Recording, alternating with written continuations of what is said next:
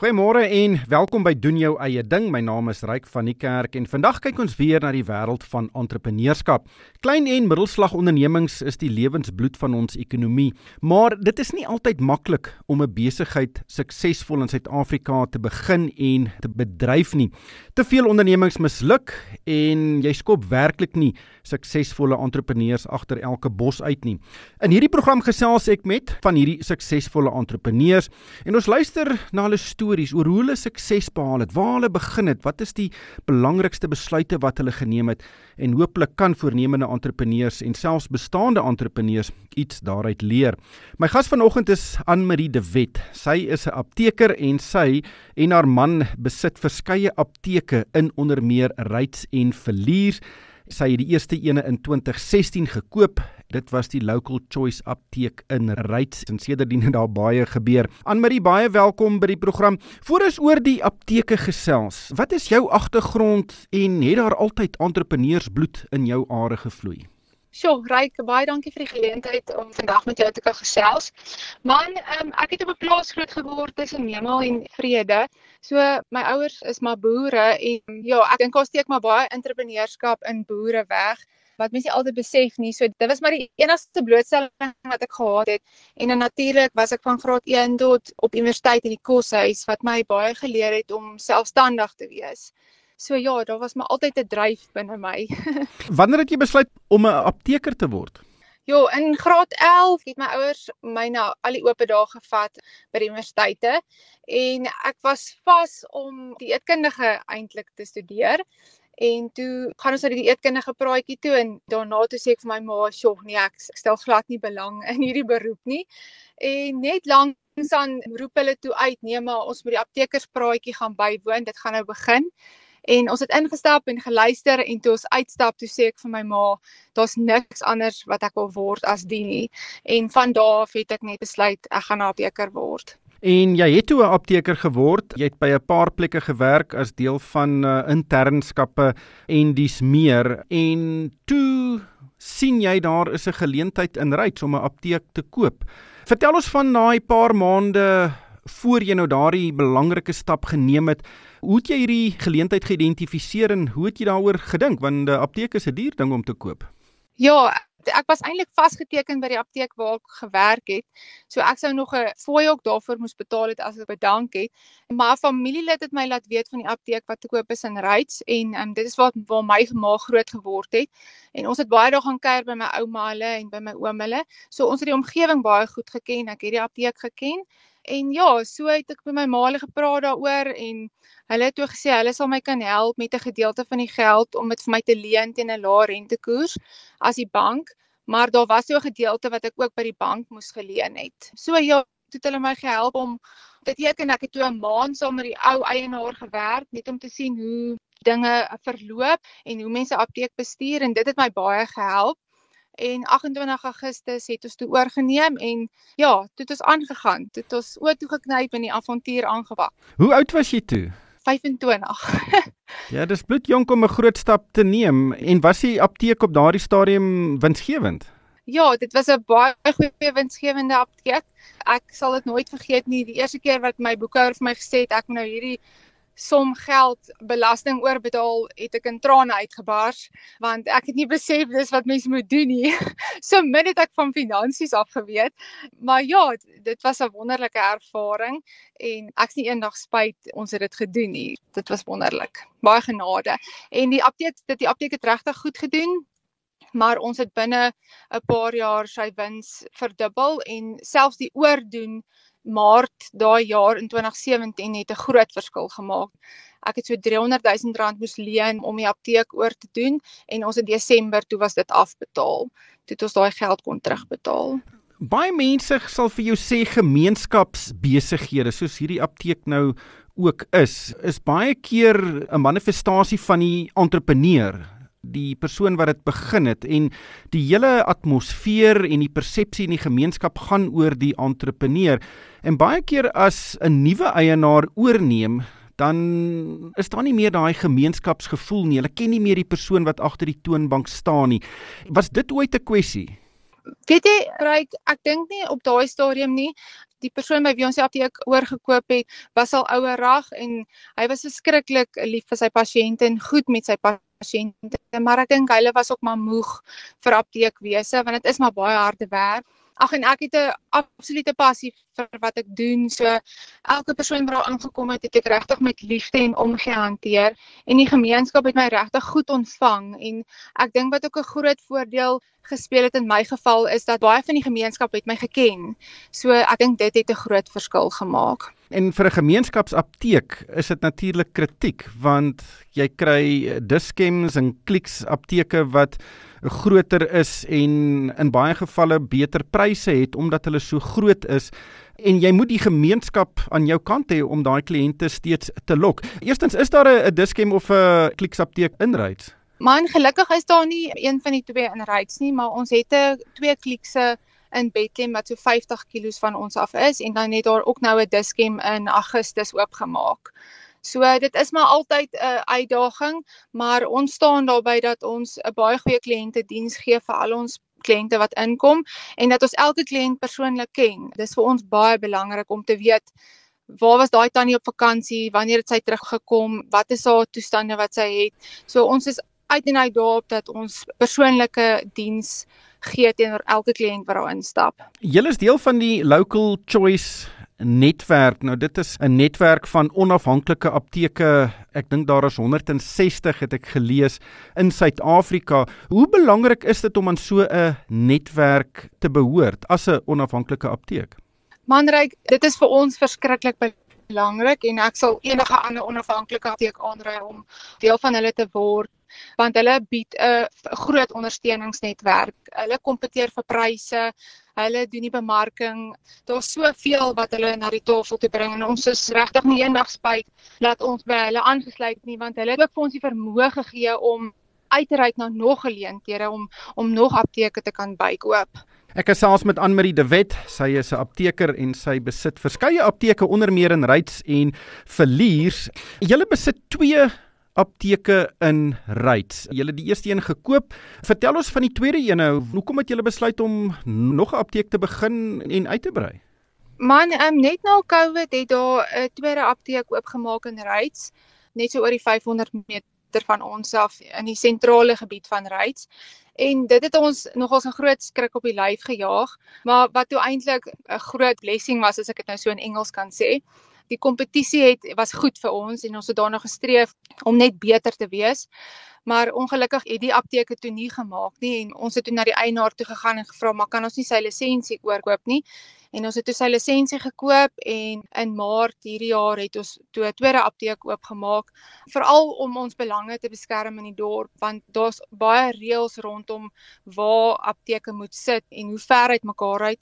So ons het dit gedoen om ons belange in die dorp te kan beskerm sodat daar nie 'n kliks kan oopmaak of enige ander apteek in die dorp kan oopmaak nie. Nou, hoe moeilik of maklik is dit om twee van dieselfde besighede relatief naby aan mekaar te bestuur want soos jy vroeër gesê daai persoonlike verhouding is so kritiek en jy kan natuurlik nie altyd by albei wees nie. Ja, soos ek gesê het, dis baie belangrik dat ons 'n persoonlike verhouding het met elke pasiënt wat inkom en dis is dit het ons uh, gevoel ons moet net so goeie apteker in die apteek sit wat ver van ons af is of wat nou 500 meter verder is en ons het toe 'n baie goeie apteker daar gekry wat net soos ek voel oor alles en en persoonlike diens. So daai apteek is bietjie meer op lae LSM gefokus, maar ons het 'n baie goeie apteker aangesit, goeie personeelste 'n verskeidenheid van produkte daarin gesit dat dit dieselfde aanslag het as die apteek aan die onderkant van die dorp. Jou man is ook betrokke by die apteek. Hoe voel dit of hoe is dit om saam met jou man seker basies uh, die meeste van die dag te bestee by die huis en by die werk? Vertel ons van daai verhouding. Man, ons is regtig 'n baie goeie span. Ek is baie dankbaar die dag toe hy die apteek saam met my begin doen het. Hy hy hanteer al die dag tot dag take, hy doen die finansies en dan help hy ook met die uitbreiding van die apteke. Ons het glad nie moeilikheid met ons verhouding nie. Ons werk eintlik baie goed saam en ons kan nie sonder mekaar nie. En ek dink ons vul mekaar aan. Ek is so 'n bietjie meer impulsief, waar hy nou weer ja, mooi kyk dat alles vlot verloop en ons mooi dink oor 'n ding. So ek dink ons vul mekaar goed aan. Ja, maar daar's baie familiebesighede wat altyd oor die besigheid gesels. Elke braai of ete word 'n direksievergadering. En op die ou einde neem die besigheid basies alle kommunikasie en gesprekke oor. Het julle daardie uitdaging of hoe hanteer julle dit? Ek dink dit is so deel van ons lewe. Ons gee glad nie om om daaroor te praat en ons ons hou altyd aan droom. En um, hy raak baie keer vir my so kwaad in die aande as ons in die bed lê en dan praat ek weer iets oor die apteek en dan kan hy nie slaap nie. Dan dink hy weer oor dit, maar ek kan slaap. So dis maar altyd 'n uitdaging om nie die onderwerp in die aand op te bring nie. Maar ag, dis lekker. Ons gesels altyd oor dit en ons sê altyd ons beste of vir die manier om geleenthede en so raak te sien en daar te praat as ons in die kar ry en dan droom ons en ons dink wat ons volgende kan doen en hoe kan ons uitbrei en en verbeter. Ja, julle het ook 'n apteek in Verlies. Ek dink jy het vroeër daarna verwys en julle is op die punt om eene in KwaZulu-Natal oop te maak. Is dit hoe julle die groei traject sien deur nog apteke by julle portefeulje te voeg, miskien eerder as 'n ander strategie om die julle bestaande apteke net groter en sterker te maak. Hoekom wil julle nuwe takke byvoeg? Maar dit gaan vir ons oor die gemeenskappe. Daar's baie nood veral in die platteland om 'n goeie gesondheidsdiens te lewer. En dit is wat vir ons belangrik. Dis waaroor dit eintlik vir ons gaan is om om die gemeenskap te help. En die einste dorpie wat ons die apteek nou gaan oopmaak is klein en is 'n toerisme dorpie, maar daar's 'n verskriklike groot geleentheid. Daar is wel dokters, maar daar's 'n baie klein apteek wat ons nou oorgekoop het. En ja, dis vir ons lekker om mense te kan help om vir elke pasiënt wat by ons inkom die geleentheid te gee tot gehalte gesondheidsorg. So ons maak altyd 'n kliniek oop saam met ons apteek sodat dit vir almal beskikbaar kan wees. Maar dis sekerlik nie maklik om dit te doen nie want jy wil daardie persoonlike aanslag behou. Jy het nou gesê in die ander apteek by Ryds het jy 'n uitstekende persoon gekry om dit te bestuur. Om uitstekende mense te kry is nie altyd maklik nie. Inteendeel baie besighede gaan vir jou sê dis hulle grootste uitdaging om goeie personeel te kry. So, hoe kry julle die beste personeel om nou in daardie apteke te werk en daardie dienskwaliteit of standaard te handhaaf?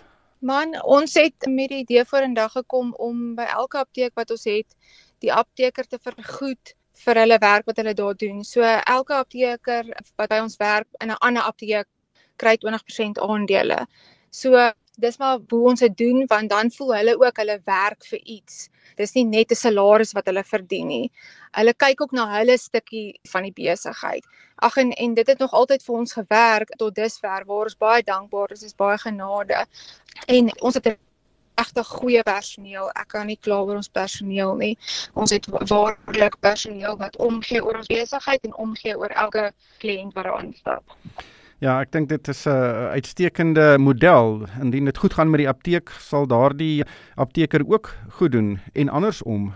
Wat is tans julle grootste uitdagings? Is daar iets wat julle wakker hou saans? So, met baie genade, um, is daar nog nie eintlik iets wat ons wakker hou nie. COVID was vir ons eintlik baie goed. Dit het ons besighede laat groei. Dit is eintlik sleg, maar dit het ons regtig goed gedoen. En dan verder, ag, so hier en daar sukkel mense maar bietjie met personeel so af en toe, maar ek dink dit is maar oralste. Maar soos ek gesê het op die stadium het ons regtig goeie personeel. En ja, verder nee wat, ons slaap lekker in die aand. wat is sal jou raad wees aan mense wat na hierdie onderhoud luister en miskien by die venster uitkyk en moeg is om vir 'n salaris te werk. Hulle wil ook 'n besigheid begin of dalk een gaan koop. Wat sal jou raad wees aan iemand op die platte land? Wat moet daai persoon doen om suksesvol te wees? Ja, ek ehm um, ek verstom my altyd aan hoe mense sê nee maar daar's daar's nie geleenthede in in in die land nie in Suid-Afrika nie. En en ons het dit gevind in die platteland daar daar definitief geleenthede is. Dis nie net ons besigheid wat goed doen in die platteland nie. Daar's baie ander besighede wat wat verskriklik goed doen in die in die platteland wat baie groter is as ons. En um mense moet ophou om te dink dat daar net geleenthede in die stede is. Daar's baie eintlik baie geleenthede in die platteland en veral as jy die gemeenskap het wat agter jou staan, dan kan jy nie verkeerd gaan nie. Want die, die gemeenskap is absoluut dit wat jou besigheid maak werk. En die gemeenskappe in die platte land is baie geheg aan mekaar, baie lojaal. So ek sal enigiemand wat 'n besigheid wil oopmaak in die platteland definitief dit aanraai en hulle beste gee vir die gemeenskap en daar wees vir die gemeenskap en ja, net om hulle drome te volg. Maar hoe kry jy die gemeenskap aan jou kant? Is daar 'n resep? So, ek dink as mense 'n goeie diens lewer en lojaal is en jou alles gee vir elke kliënt wat daarin loop, dan dink ek het jy die wenresep. Ja, en harde werk en jy weet hanteer mense asof hulle jou enigste kliënte is. Mense wil altyd spesiaal voel in 'n besigheid. Maar wat is julle planne vorentoe? Is daar nog apteke op die horison? Het julle dalk ander planne? Man op die stadium is daar nou nie nog ander apteke nie, maar ek het my manne toevallig nou gepraat op die pad. Ons sukkel een struikelblok wat ek nou vir jou nog kan noem is baie keer dan sukkel ons om produkte in ons winkels te kry wat deur korporatiewe apteke of nie besit word nie, maar hulle sny ons kele af om toegang te kry daai produkte soos byvoorbeeld gremering en doeke en babamelk ensovoorts wat 'n duur item is. So dit is iets wat ons graag nog eendag sal wil doen is om oorsee te gaan en, en om te kyk vir verskaffers en om op daai manier die produk in ons besigheid te kry wat dieselfde aanbieding is as dit wat hulle by korporatiewe apteke kry. Hoeveel van julle omset tipies kom uit die medisyne kant uit en hoeveel uit hierdie ander tipe van produkte soos gremering, doeke, melk en so voort? Jy vra nou vir die verkeerde persoon die vraag. My man sal eerder daai vraag kan antwoord. Maar as as ek nou laaste kan onthou wat ons gesê het, is dit so 60 40%. So 40% so dispensary, 60% voorwinkel. Maar die apteke, die sakemodel het dus geweldig verander. Ek onthou nog sê nou maar 10, 20 jaar gelede was 'n apteek net daar om medisyne vir mense te gee. En deesdae is dit eintlik 'n volwaardige kleinhandelwinkel wat 'n wye reeks produkte bemark. Hoe kies julle die produkte wat julle verkoop?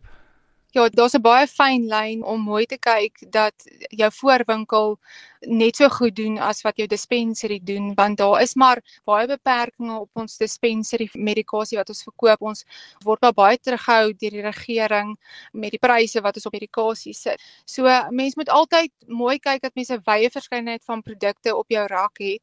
Ag dan toets mens maar as jy sien 'n ding verkoop nie en hy of hy verval, dan skryf jy nou maar ongelukkig daai produk af en jy probeer iets anders te. Maar jy leer ook naderhand jou gemeenskap ken en wat hulle behoeftes is. So mense moet maar altyd uitgaan en kyk vir nuwe idees en nuwe goedjies wat jy in die apteek kan aanhou. Byvoorbeeld ons doen baie goed met kindergeskenke. Ons hou 'n groot verskeidenheid van kindergeskenke aan omdat daar niemand in die dorp is wat kindergeskenke aanhou nie. So ons doen baie goed met ons geskenke vir kinders innovasie, kyk wat is die geleenthede en dan probeer dit aanspreek. Ek dink dis 'n baie goeie boodskap. Anmarie, baie baie dankie vir jou tyd en alle sukses met julle planne en julle uitbreiding. Natuurlik mense brei uit as jy positief is en vol vertroue is dat jy kan geld maak in die toekoms. So alles sterkte daarmee.